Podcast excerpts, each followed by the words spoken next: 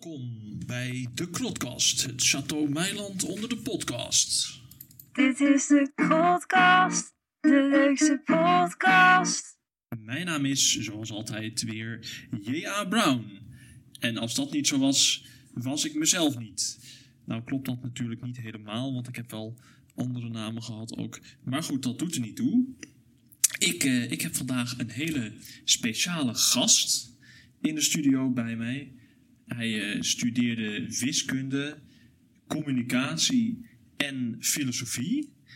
En eh, hij is een eh, homo, kent u die uitdrukking, universalis? Oftewel een veelweter.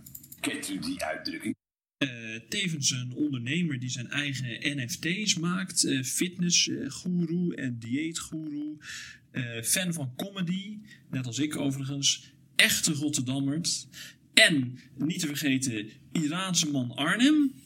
De enige echte eh, Nico Heidaritari. Maar dat Heidari kan je weglaten, toch? Eh, voor mij mag je het weglaten, ja. Nico Tari is vaak eh, iets makkelijker Nico voor Tari. mensen te onthouden. Welkom. Ja, dank je. Bedankt voor deze zeer uitgebreide en zeer nauwkeurige beschrijving van, van wie ik ben. Nauwkeurigheid, daar staan wij op bekend bij de firma J.A. Brown. En eh, Nico, ik ga het zo dadelijk met jou hebben over. eh, wat is ook weer het onderwerp van vandaag? Wat is het onderwerp van vandaag? Het onderwerp van vandaag. We gaan het hebben met jou over je levensvisie, waarin iedereen eh, veel weter eigenlijk moet zijn, veel weten van verschillende onderwerpen en waarom dat goed is. We gaan het hebben over NFT's en de, jouw eigen NFT's, de zogenaamde Silly Seals. En eh, dat doen we zo meteen, maar niet voordat ik ook geïntroduceerd heb. eh, ook naast mij aanwezig in deze studio mijn uiterst charmante en briljante sidekick, kort en krachtig, Annemieke Duivenstein. Hoi. Hoi. En eh, met jou ga ik even samen de week doornemen. Dit was. Dit was, Dit was. dit was Dit was. de week. Die was. Goed, we hebben veel eh, door te nemen deze week. Ja, Eh, zoveel gebeurd. heel veel gebeurd. Vooral ook omdat de afgelopen week uit maar liefst twee weken bestaat. Omdat wij tijdreizigers zijn. Zoiets, zoiets, ja. Laten we daar maar niet te veel op ingaan. Nee, want dan raken de luisteraars maar in de war. Klopt, inderdaad. Maar inderdaad, we hebben twee weken niet opgenomen door omstandigheden. Ja, er waren eh, wat logistieke problemen. En daardoor eh, is de week van vorige week eh, de week van vandaag geworden. Eh, maar er is natuurlijk in deze week ook heel veel gebeurd. We hebben bijvoorbeeld geprobeerd samen een bed in elkaar te zetten. Ja, ja. Ja, dat was, eh, dat was leuk. Ik denk dat dat gelijk het hindermoment is van deze week. Oh ja, het moment. Ik ondervind hier hinder van. Ik ondervind hier hinder van. Ik ondervind hier hinder van. Ik ondervind hier hinder van. Waarvan ondervindt Annemieke Duivenstein vandaag hinder? Nee, ik zal het even allemaal vertellen. Het was een bed van een kutbedrijf wat wij gaan nemen en shamen in deze uitzending. Zeker, zeker. Het was een bed van eh, Vida XL. En eh, dat Vida bed... XL onthoudt die naam. Ja, ja, koop daar je spullen niet. Echt niet. Ehm zal, zal ik het vertellen? Ja. Oké. Oh, kutzooi! Oh ja, wat u zojuist hoorde, beste luisteraars, is het geluid van mijn Gmail notifier. en dat is, die heb En ik- dat is onderdeel van de podcast, dat want... is nu tegen wil en dank onderdeel geworden van de podcast. Maar ik heb dus het geluidje van het, het oude e-mailprogramma Eudora uit 2002 of zo in dit, in dit ding gezet. Dus iedere keer dat ik nu een e-mail krijg, hoor ik het geluid dat ik op 12-jarige leeftijd hoorde. Als ik op een knopje drukte om de mail op te halen. Dat moest toen nog. Ja. Maar goed, dit terzijde. Ik werk echt elke podcast worden wij wel onderbroken door iets. Dan weer door een mailman en dan is- weer door Het gaat dit. iedere keer weer helemaal mis. Het gaat helemaal mis. Maar je was aan het vertellen over dat, dat f- vermalendijde bedrijf Vida XL en hun klotenbed. Ja, nee, oké, goed. Eh, in maart eh, of zo, of misschien mei of zo, hebben wij een bed gekocht voor jou. Want jij sliep in een ander bed, maar dat bed was gewoon echt helemaal kapot. Moet ik ook uitleggen waarom? Nee. Of, eh, nee? Oké, nou goed, prima. Dan moet ik het wel uitleggen, Jack. Ik weet dat ik een beetje te zwaar ben. ik ga wel weer meer fitnessen, maar daar hebben we het volgende week wel over in de Nee, oké, maar nou gaan mensen echt rare dingen denken. Maar nee, oké, dat bed... Oké, wij waren opeens met z'n tweeën en jij had nog steeds een eenpersoonsbed. Dat Oh, op die fiets. Ja, Ja, op ja. die tandem. Oké, dus wij dachten, we kopen een nieuw bed. Waar doe je dat? Bij bol.com. En eh, ja, uh, klein beetje Waar ik overigens tegen ben, omdat ze kleine ondernemers zoals ik zelf de markt uit concurreren. Maar dat terzijde. Survival of the fittest. Goed zo, Nico. dankjewel. Nico Tali over kapitalisme. De podcast, de leukste It's a jungle. Zeg dat wel. Maar goed, nou ja, oké, wij een bed kopen dus via Excel, via bol.com. En eh, nou ja, dat bed komt aan. En wij denken om 11 uur 's avonds, goed plan om het nu in elkaar te gaan zetten. Geweldige tijd. Heb ik ook wel eens gedaan hoor, met meubels. Ja. Geen goed idee. Nee, nee echt Nee, daar kwamen wij ook achter. Ja, Ja. maar oké, dus het begon er volgens mij mee dat wij eh, met een schroefmachine die ik van papa mocht lenen, dankjewel pap, ehm, ja, dat bed in elkaar begon te zetten. En ik was nog wel enthousiast, maar het was ook laat, ik was moe en naarmate het stroever ging, werd ik wat, nou, agressiever. Dus Zoals jij eh, te doen gebruikelijk eh, bent. ja, zoals ik ben. Dus, eh, nou ja, ik, ik, ik, wij zijn bezig met die schroef en ik rag gewoon heel die schroef gewoon door die buis heen. Ja, Oh, en toen zaten we enkele maanden met een, een holle buis waar een schroef in, in dangelt. Ja, ja dat, dat- je, je spoilt het, maar goed, ja, dat is wat uiteindelijk is geworden. Maar van de week had jij daar een geniale oplossing voor. Rustig aan, Jack, rustig aan. We gaan nog even verder vertellen waarom via Excel kut is. Ja. En weet je waarom dat is? Omdat er in plaats van 26 schroeven maar 5 waren geleverd. Oh ja. Bij een bepaald onderdeel. Waardoor wij ook niet verder konden. Toen wilden ze ons nog een kortingsbon aansmeren. Ja, dan mochten wij even zelf lekker die schroeven gaan halen bij de praxis of Nou, zo. zien wij eruit alsof wij enig verstand hebben van schroeven? Dat kunnen ze niet zien. Of, ja, nou, dat kunnen ze wel zien, want dit wordt ook op video opgenomen toevallig. Maar Hoi. wij hebben geen verstand van schroeven. Wij hebben twee walnoten. Eh, goed, nou ja, oké, prima. Ehm, eh, een paar maanden verder, ik dacht, nou, ik wil ook wel een bed. Ik ben verhuisd. Ik dacht, ik wil ook wel een bed kopen. Ik dacht, hemelbed. Nou, waar doe je dat? Via Excel. nou, niet doen, want eh, al die buizen waren verbogen. Vreselijk. Oh ja. En toen heb jij een hele gulle donatie gedaan onlangs.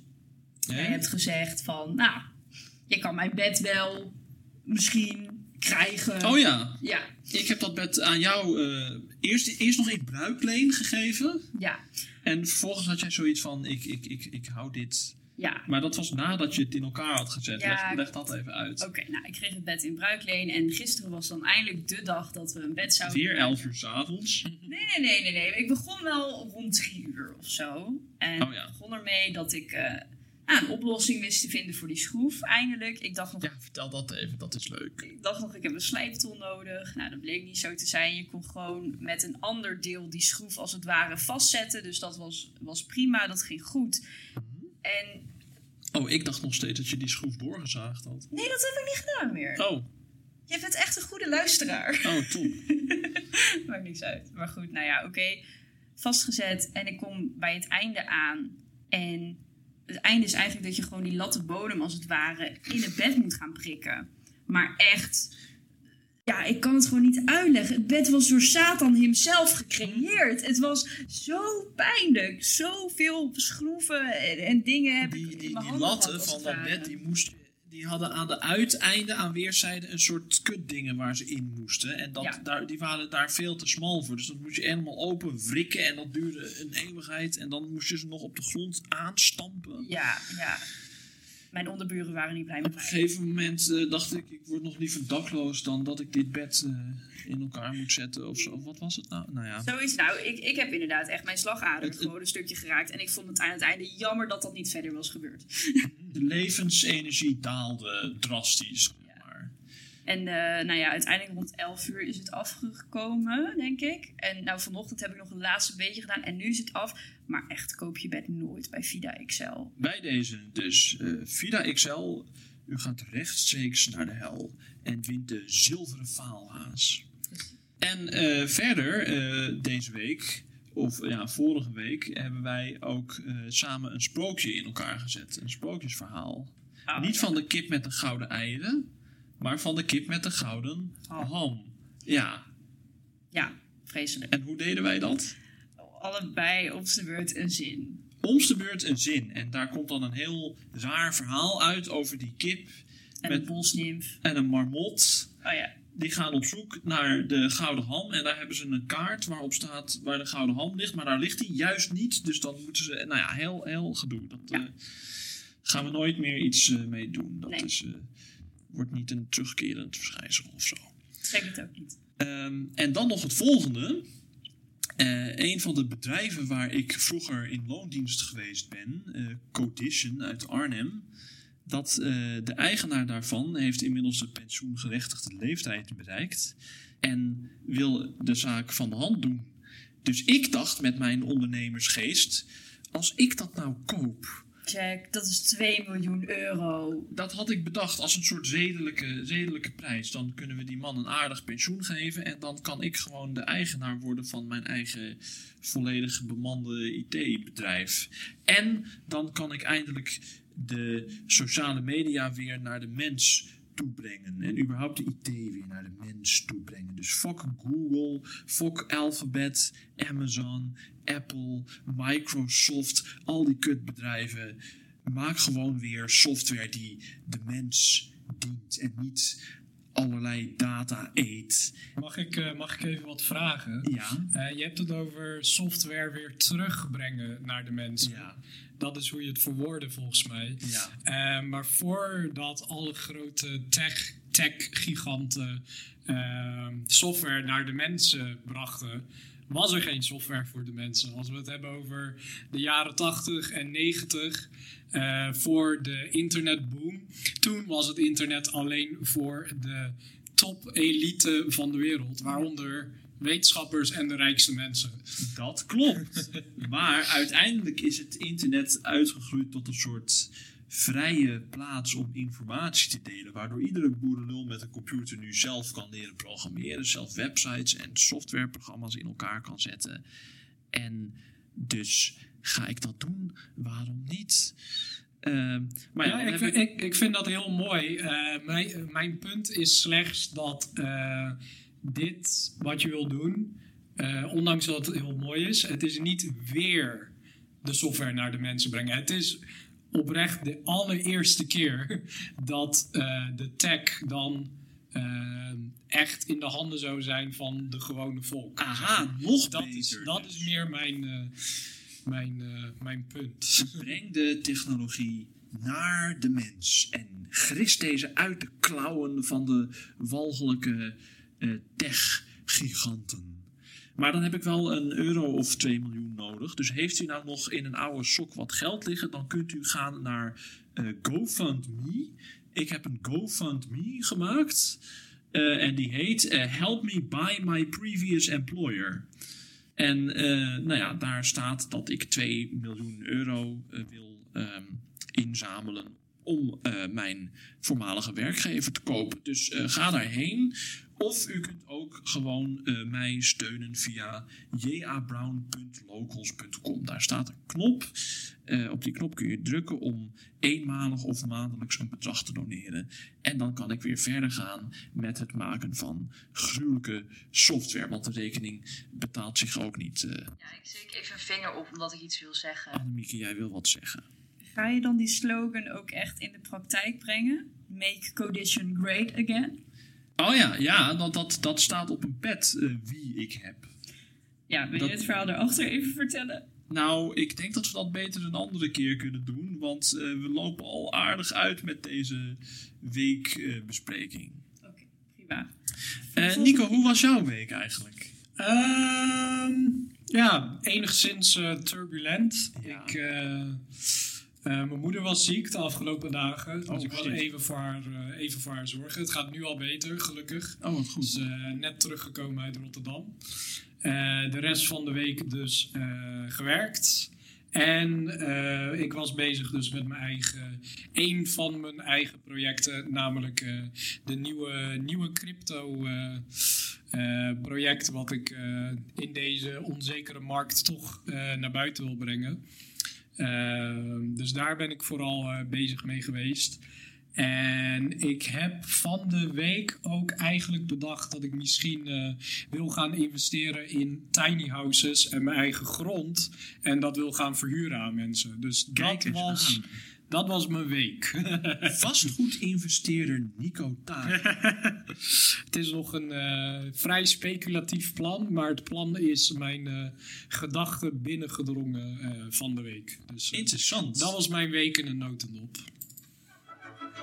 Ja, dit was de week, dit was de week die was. Ja, dit was de week, dit was de week die was. Ja, dit was de week, dit was de week die was. Ja, dit was de week, dit was de week die was. Dit was de week die was. Dit was de week die was. Dit ja, maandag, dinsdag, woensdag, donderdag en vrijdag, zaterdag, zondag. Dat was de week in dagen. Ja, maandag, dinsdag, woensdag, donderdag en vrijdag, zaterdag, zondag. Dat was de week.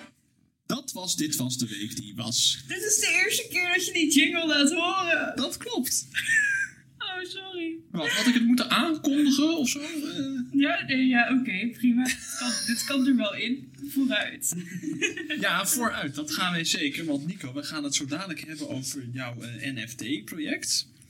Maar eh, eerst moet ik even iets, iets, uit, iets verduidelijken. Want ik zei het zo net in de introductie dat jij bekend staat als Iraanse man Arnhem. En eh, misschien kan je zelf even uitleggen hoe dat gekomen is. Of moeten wij dat doen? ja, laat, laat ik eens even kijken of ik dat goed eh, in detail uit kan leggen.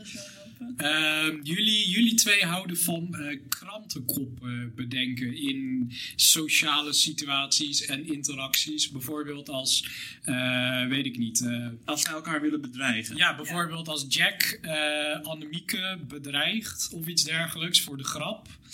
Dan eh, zou Annemieke zeggen, eh, man bedreigt vriendin, eh, krijgt 20 jaar celstraf of zo. Nee, dan zeggen we...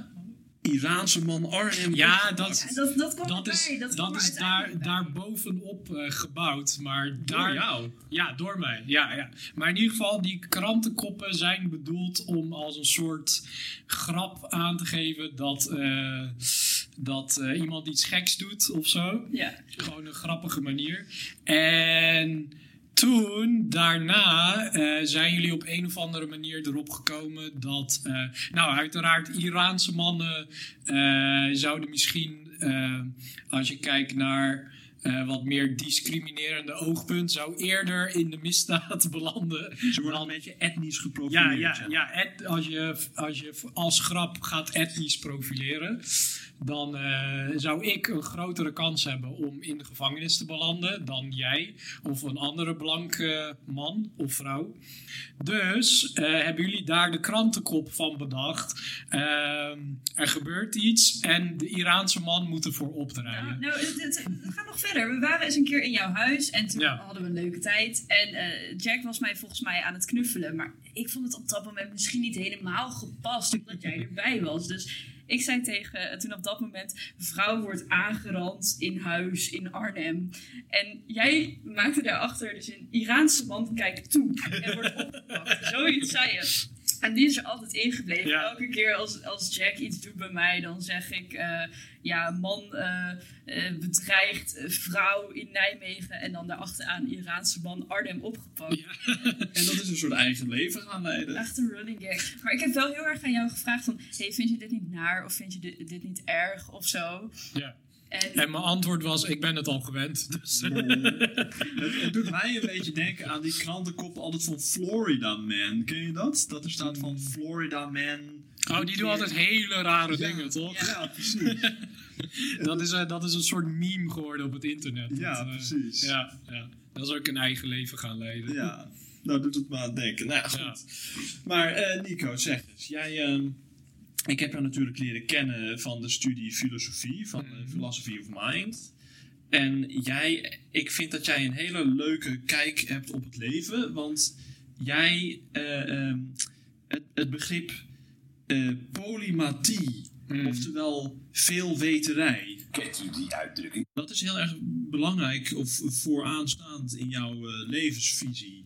Kan je dat uitleggen? Ja, graag, zeker. Ehm, het is een beetje begonnen rond de tijd dat ik eh, op de universiteit studeerde. Ja. Eh, daarvoor speelde ik eh, professioneel poker om Oh, ja. aan mijn geld te komen. Dat was ik ook nog vergeten. Ja, dat, dat ja. Maar toen was ik heel erg tunnelvisie, zeg maar. Poker was mijn leven. Ja. Ik, poker was mijn manier om eh, een leven voor mezelf op te bouwen. Om geld te hebben zodat ik kan eten, zodat mijn moeder kan wonen. Want zij had toen ook geen cent te makken. Dus dat was mijn manier om eh, een leven op te bouwen. Maar ik had heel erg een tunnelvisie. Poker was alles. Dat was mijn leven. Er was alleen nog maar poker. Ja, ja. Eh, dat is heel fijn. Ik heb aan wat spaargeld kunnen komen, zodat ik de mogelijkheid heb kunnen krijgen om te gaan studeren. Want daarvoor was het niet echt mogelijk voor mij, eh, financieel. Dus toen dat eindelijk mogelijk was, ben ik dat inderdaad gaan doen. Sinds de eerste dag op de universiteit ook heel dankbaar geweest dat ik daar kon beginnen. Ehm, en toen was ik eh, nou, aan het studeren. Eerste jaar ging voorbij.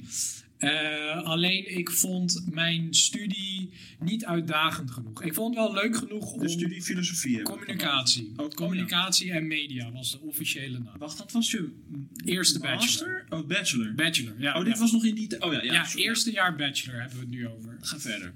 Oké, dus eh, ondanks dat ik het wel leuk en praktisch vond, vond ik het niet uitdagend genoeg. Dus ik wou een tweede studie eh, daarnaast gaan doen. Nou, uiteindelijk is dat filosofie geworden.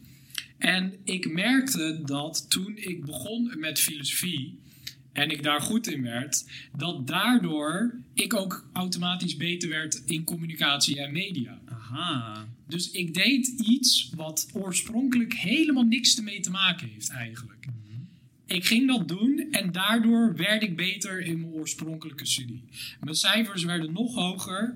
Ehm, ik, had, ik schreef veel betere essays. Eh, gewoon op allerlei vlakken eh, ging ik vooruit. En toen realiseerde ik me van... Wacht, deze dingen zijn met elkaar verbonden. ik kon eerst het verband niet zien. Maar toen ik het uiteindelijk ging doen... ehm, kon ik opeens verbanden zien die ik eerst niet kon zien. En daardoor ging op allebei de vlakken ging communicatie en media en filosofie vooruit. En toen ging ik dat ook doen met wiskunde. Ik Ja. dacht, wiskunde heeft me altijd geïnteresseerd. Ik wil het ook gaan proberen. En ja, gebeurde exact hetzelfde wat ik verwachtte. Ik werd weer beter in filosofie door wiskunde. En ik werd beter weer in communicatie en media, omdat ik statistiek beter begreep. Aha. Dus dat heeft voor de tweede keer als een soort experiment voor mij bevestigd dat alles met elkaar verbonden is. Alles. It's all connected. Zelfs dingen die oorspronkelijk helemaal niks met elkaar te maken lijken te hebben, als je diep genoeg kijkt, zijn ze verbonden met elkaar. En als je lang genoeg dingen, eh, exposure hebt aan dingen, ervaring ermee hebt, dan ga je op een gegeven moment die inzichten krijgen. Vanwege dit ben ik tot de conclusie gekomen dat hoe meer ervaringen en hoe meer kennis, maakt niet uit van wat, altijd eh, eh, bijdrage gaat leveren aan je leven. Dus het is zeg maar, hoe meer verschillende eh, dingen je je in bekwaamt, dat je daar vaardigheden in leert en kennis, hoe beter je wordt in al die andere dingen. Ja, het heeft in mijn ogen een soort carry-over effect. En komt dat dan omdat je door meer dingen te leren, zeg maar, je, je algemene cognitieve vaardigheden vergroot? Of komt het ook omdat al die dingen met elkaar te maken hebben? Of allebei? Ja, het, eh, het kan door meerdere dingen komen. Kijk, sommige dingen die je doet, Ja. eh, zal inderdaad je cognitieve vaardigheden in het algemeen eh, verbeteren. bijvoorbeeld wiskunde kan. Ja, bijvoorbeeld door wiskunde te bedrijven leer je op een hele systematische en gestructureerde manier te kijken naar problemen. En problemen kunnen oplossen, daar rationeel over kunnen nadenken, dat is een ongelooflijk waardevolle skill. Dat je ook kan toepassen in bijvoorbeeld de wat meer chaotischere sociale wetenschappen. En, en in de filosofie, want jij bent in de filosofie fan van de analytische filosofie. Hè? Dus de, de tak van filosofie die met rationele, logisch gestructureerde argumenten zeg maar, een probleem probeert te benaderen. Ja, dat, eh, dat heeft inderdaad mijn voorkeur. Eh, ik zal niet zeggen dat de hele.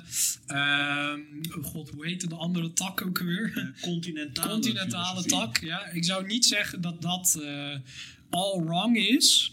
Maar in mijn ervaring met die eh, kant van de filosofie is het vaak wel meer, eh, meer verwarring zaaien dan verwarring ophelderen. Jij, jij had daar ooit een heel leuk diagram van getekend, zo'n 2 bij 2. Een 2 bij 2 matrix, ja. Van, eh, als ik het me goed herinner, ehm, hoe moeilijk het onderwerp is en wat was het tweede? Weet ik niet meer. Het was, dit is zo'n specifiek ding vier jaar geleden. Hoe ze daarover schrijven. Ja, ik, ik herinner het me nu ook opeens. En erover eh, hoe ze, ja, misschien hoe ze erover schrijven, zoiets ja. Ja. En de conclusie was uiteindelijk dat ehm, de continentale filosofen heel moeilijk doen, en maar eigenlijk niet zo heel veel zeggen.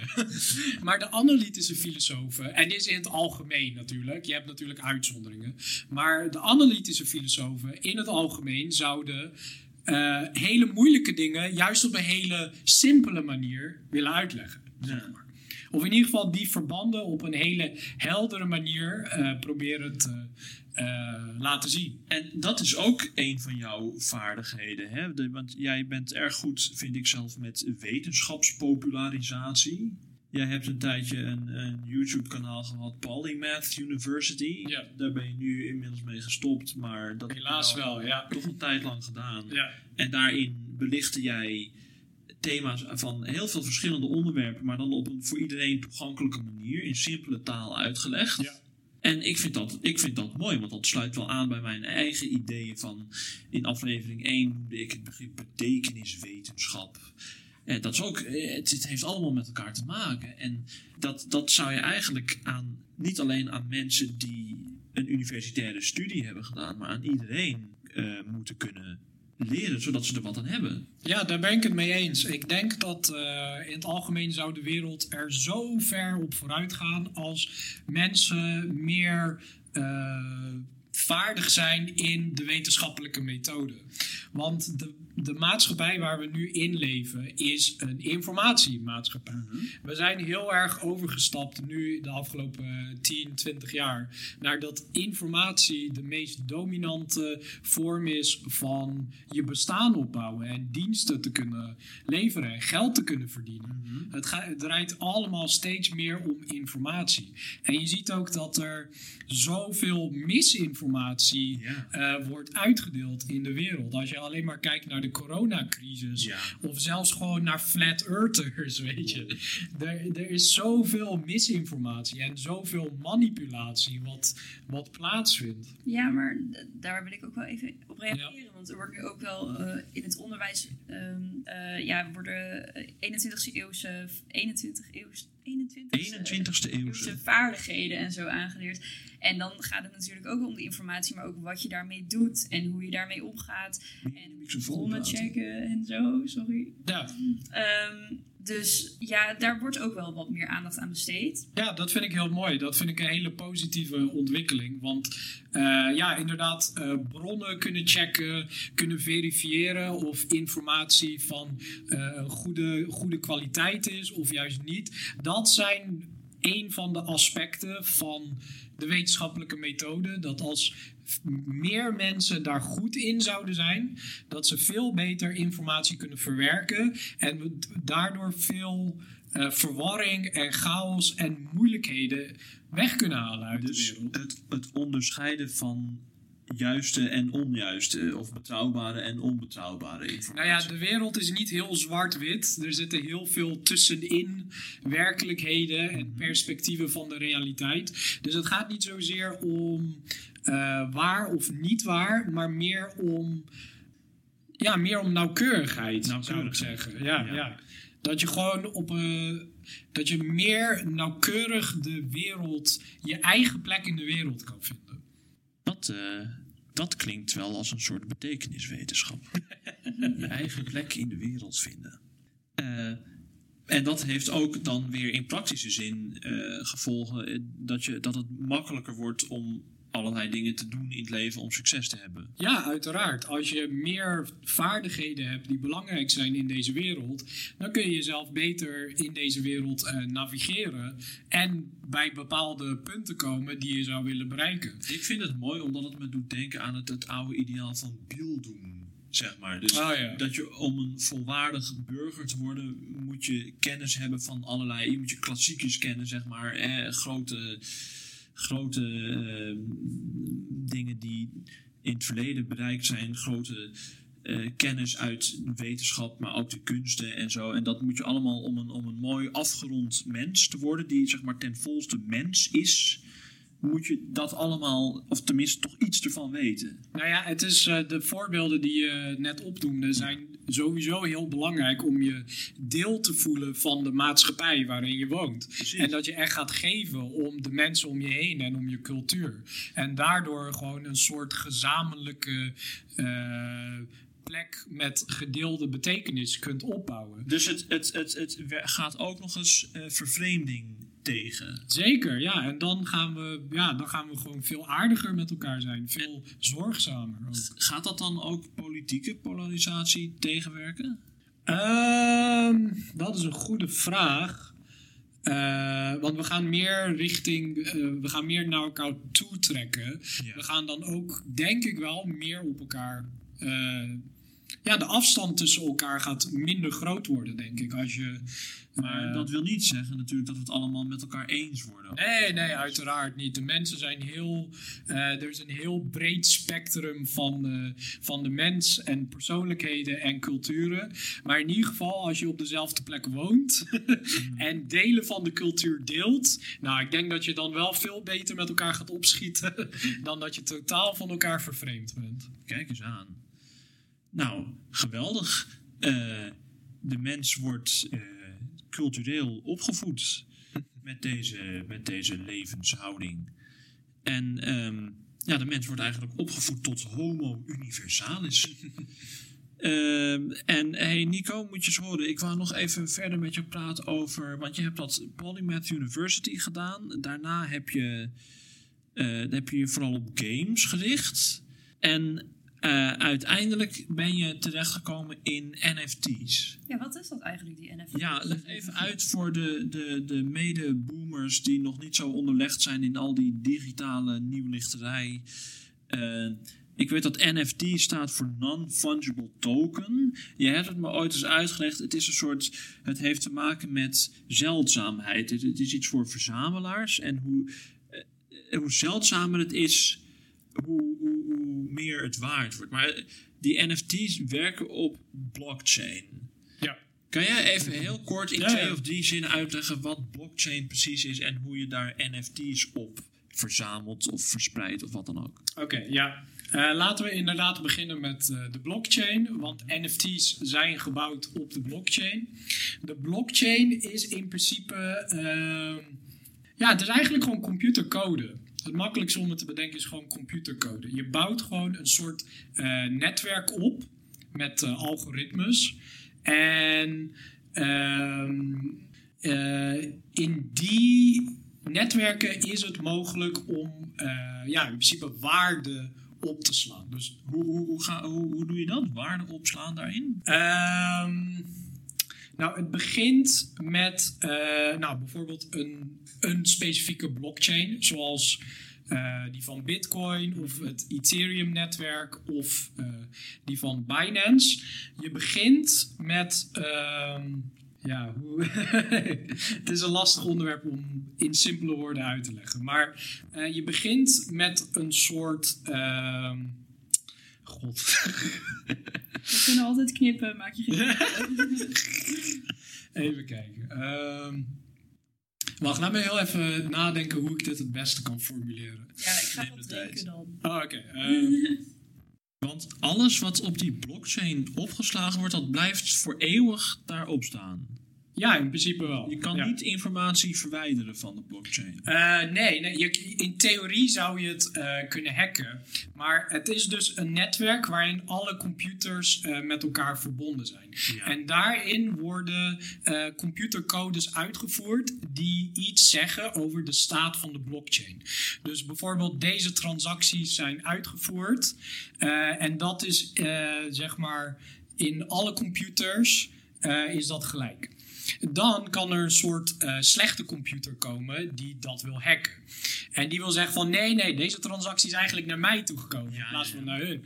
Maar alle andere computers zeggen dat dat niet zo is. Je hebt een soort checksum of zo waaraan ze kunnen controleren dat het niet klopt. Ja, de blockchain doet dat gewoon continu, automatisch. doet dat zeg maar. automatisch. Ja, Oké. en op basis van die meerderheid van de computers kunnen ze bepalen van wat is nou eh, de juiste, de juiste, eh, ja, wat is de werkelijkheid? Wat, Ja. Waar zit de waarde? Waar, wie bezit de waarde, zeg maar, Maar op dit moment? Dit, dit klinkt mij in de oren, als ik het even relateer aan iets eh, uit mijn belevingswereld, als een soort bankrekening. Ja, het is een bankrekening, maar het is meer gebaseerd op eh, computercode, zeg maar. Ja, ja. In plaats van ehm, dat het sociaal geconstrueerd is. Er is een, bijvoorbeeld eh, hoeveelheid geld eh, in, de, in de echte wereld, Ja. de niet-digitale wereld. Wij hebben bepaald van, oh, er is zoveel euro's in Dat snap ik circulatie. ook niet hoe ze dat doen. Maar goed, dat is een ander verhaal. Ja, ze bedenken het, ze printen het. Ja. En dan gaan ze op de computer weergeven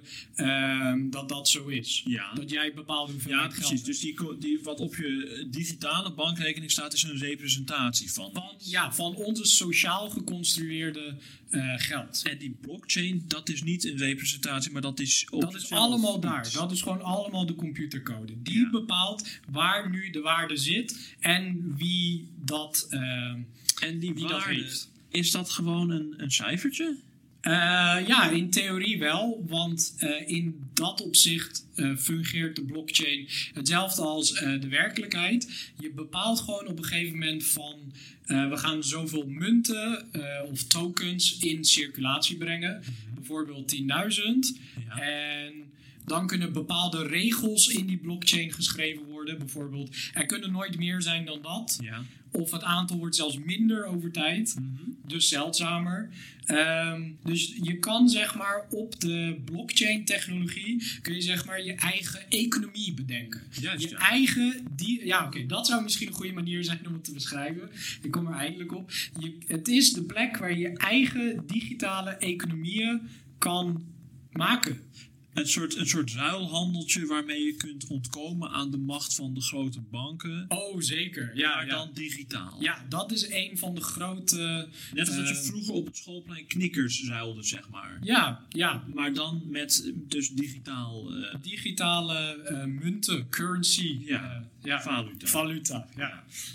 Oké, ik zie jou een beetje niet te begrijpend kijken, Annemieke. Ja, sorry. Mijn twee walnoten zijn echt gestopt met werken.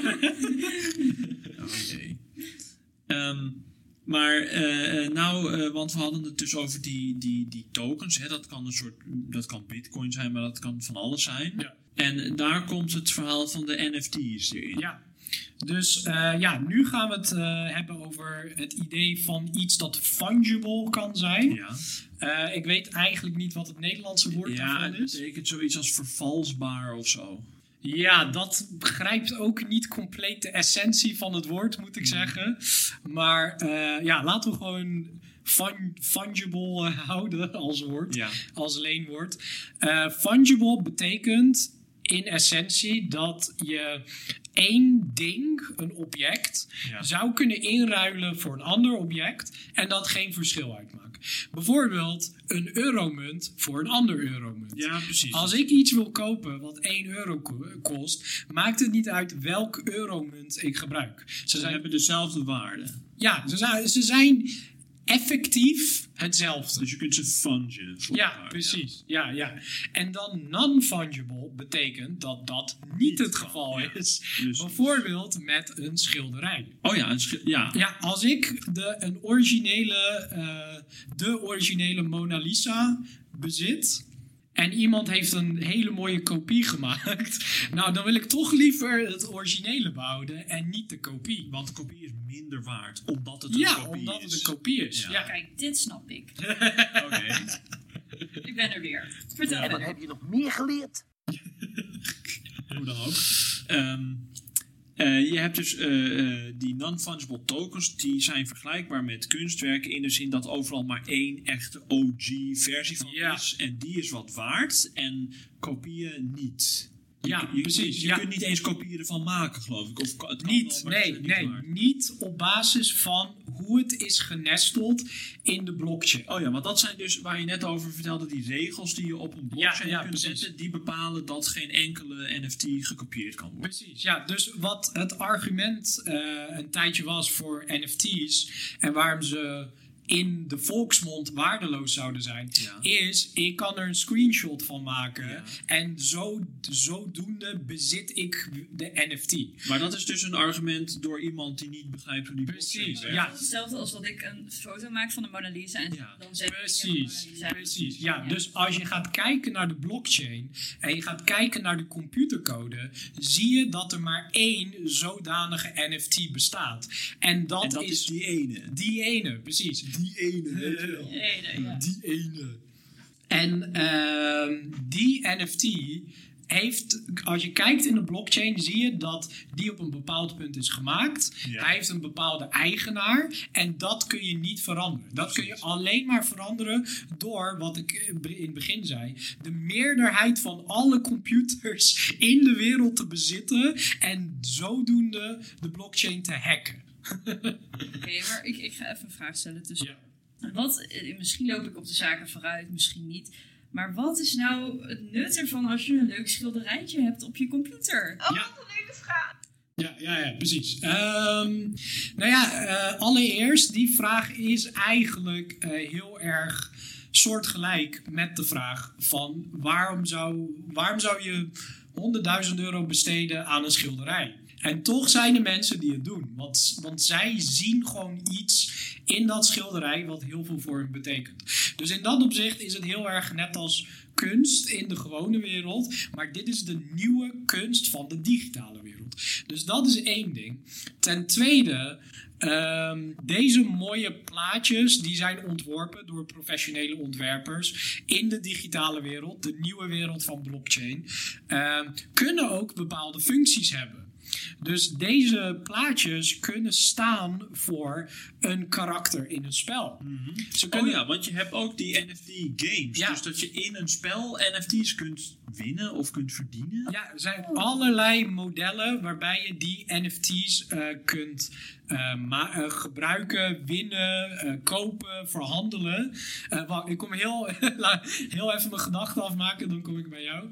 Ehm, maar dus eh, dat is eigenlijk de logische volgende stap van wat er gebeurt als je eerst bent begonnen met een eigen digitale economie maken. Ja. Je begint met een digitale economie, met valuta. Dus Wat ga je daarmee doen? Je gaat dingen kopen. de basis van die economie is de blockchain. En Ja. die NFT's, dat zijn de valuta. Nee, je kan het zien als valuta. In sommige opzichten zijn het ook va- valuta. Maar het is meer in de zin van. eh, Het is ook wat je, wat je een, een voorwerp, wat je verhandelt. Juist, het is meer een object in de ruilhandel. Ja, oké, oké. Dus het is, ja, het is de logische volgende stap als je geld hebt. Je wilt ook spullen hebben die je kunt kopen. Precies. Oké, dus Ja. ik hoor het. Eigenlijk is er aan de ene kant een emotionele waarde. Mensen vinden kunst mooi, gaan het kopen. Ja. Oké, ze kopen een NFT. Maar aan de andere kant kan je de NFT's ook gebruiken in bijvoorbeeld spelletjes. En is het dan net zoals bijvoorbeeld bij Fortnite dat je een leuke skin kan, kan Precies, precies. poppetje kan zijn? Fortnite is eigenlijk, zonder dat ze het weten, hebben ze de NFT-trend ehm, een hele grote boost gegeven. Aha. Want de spullen die je kan kopen in Fortnite zijn in essentie NFT's. Het zijn, het zijn objecten die je kan kopen in de digitale wereld met hun eigen currency, V-Bucks.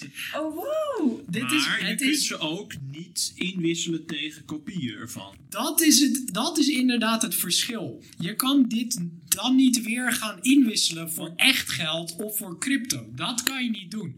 Dat is wat ontbreekt om het echte NFT's te maken. Ja, maar je kunt ze ook niet. eh, ze zijn wel non-fungible in de zin dat je ze niet. Je kan, ze kunnen niet twee exemplaren van Ja. bestaan. Het zijn non-fungible digitale objecten. Maar het zijn geen non-fungible tokens in de zin dat wordt gebruikt in crypto. Ah. Dat is het verschil. Maar het legt wel de groundwork voor wat we nu hebben met NFT's. Ja. Ik denk dat het heel erg is geïnspireerd op eh, Fortnite en ook andere soort van, ja, soort van pay-to-win of pay-to-play game modellen. precies het model waar ik een, een grondige hekel aan heb. Maar ehm, daar wil ik zo eh, iets over vragen. Wat trouwens wel een van mijn eh, kritiekpunten is op die NFT's. Is dus dat bij echte kunst, in het echt, zoals de, de Mona Lisa of zo. Daar, daarvan is duidelijk dat het een soort intrinsieke waarde heeft, omdat het mooi is. En die, die plaatjes waar jij het over hebt, die zijn misschien wel ontworpen door professionele ontwerpers, maar ik vind er vaak niet zoveel aan. Dat qua- is dus een persoonlijke mening. Kunst is voor iedereen anders. Ik kan de Mona Lisa bijvoorbeeld ook lelijk vinden, terwijl jij daar iets heel moois in ziet.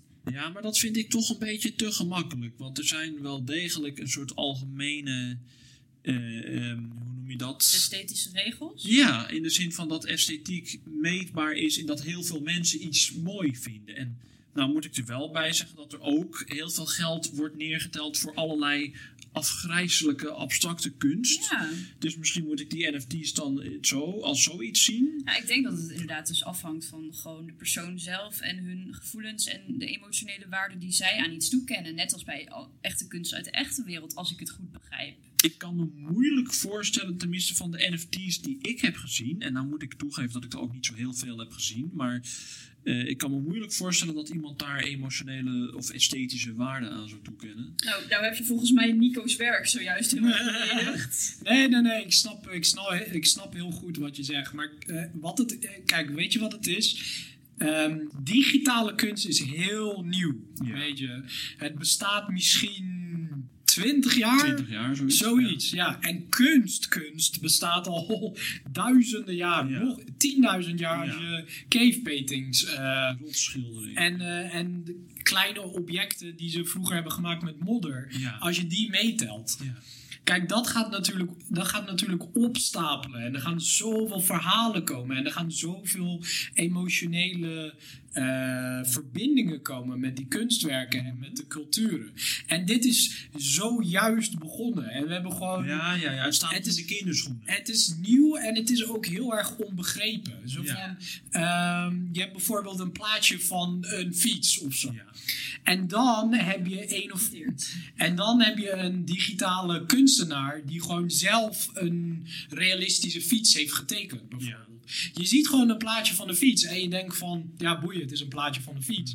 Maar het kan zijn dat er uiteindelijk diep van binnen heel veel gedachten, heel veel betekenis en heel veel vaardigheid erin is ge- gegaan Ja, ja, ja. om die afbeelding te maken. Zou het misschien een goed idee zijn als tussen aanhalingstekens echte kunstenaars zich met NFT's bezig zouden gaan houden om zeg maar de, de kwaliteit, het gemiddelde van de kwaliteit van NFT's een beetje op te krikken?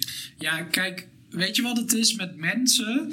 Eh, ze zijn niet, ze zijn vaak niet zo gedreven om nieuwe technologieën en de nieuwe tijd eh, te omarmen. Meestal als je na een bepaalde leeftijd bent gegaan, hè, 40, Ja. 50, dan ben je gewoon echt wie je bent. Ja. En dan ga je dat niet zo snel loslaten. Ja. Dus als jij een bepaalde idee hebt voor kunst en technologie en het is wel goed zo met de technologie die we Ja. hebben, ga je niet zo snel moeten we nog weer allemaal Ja. nieuwe Nieuwe- nieuwe erbij? nieuwe ik denk dat ik zelf dat punt al bereikt heb. Ja, ja. sommige mensen zijn er. Het lichaam van Ja, sommige mensen zijn daar sneller in dan anderen. Maar ehm, om die reden denk ik dat het eerder hoe het gaat werken is dat er nieuwe generaties komen Ja. die nieuwe technologie omarmen en dat die allerlei coole shit gaan doen die de oudere generaties niet gaan begrijpen. Oké, oké. Maar jij bent dus zelf wel een, een omarmer van de nieuwe mogelijkheden van de nieuwe technologie. Ja. En ik, ik zelf trouwens in zekere zin ook wel hoor. Het is niet dat ik alle nieuwe technologie af zou keuren of zo. Want dat zou ook onzinnig zijn. Maar het gaat mij meer om hoe je die dan inzet. Maar goed, ehm, heel veel mensen hebben dus hun eigen eh, NFT-economie. Die proberen ze te maken als een soort hosseltje. Ja, En denken dat ze daarmee ontzettend rijk worden. dat kan. En jij bent dus ook, hoe lang ben je er nou mee bezig met je NFT's? Eh, ja, om eerlijk te zijn was ik met dat project ehm, zo'n zes maanden in totaal bezig. Ik ben nu eh, bezig met andere crypto eh. Wacht, wacht even, we moeten even voor de luisteraars verduidelijken. Want het project wat ik op bedoel, dat, is, dat zijn de Silly Seals. Ja, dat is jouw eigen NFT die jij Ja. een jaar geleden of zo bent begonnen. Zoiets, ja, ja, ja. Ja, ja negen maanden of zo. Ja, en die kun je kopen. Ja, die, die kan je nog steeds kopen. Ja. Maar ehm, ja, de economie is niet heel winstgevend op dit moment. Ja.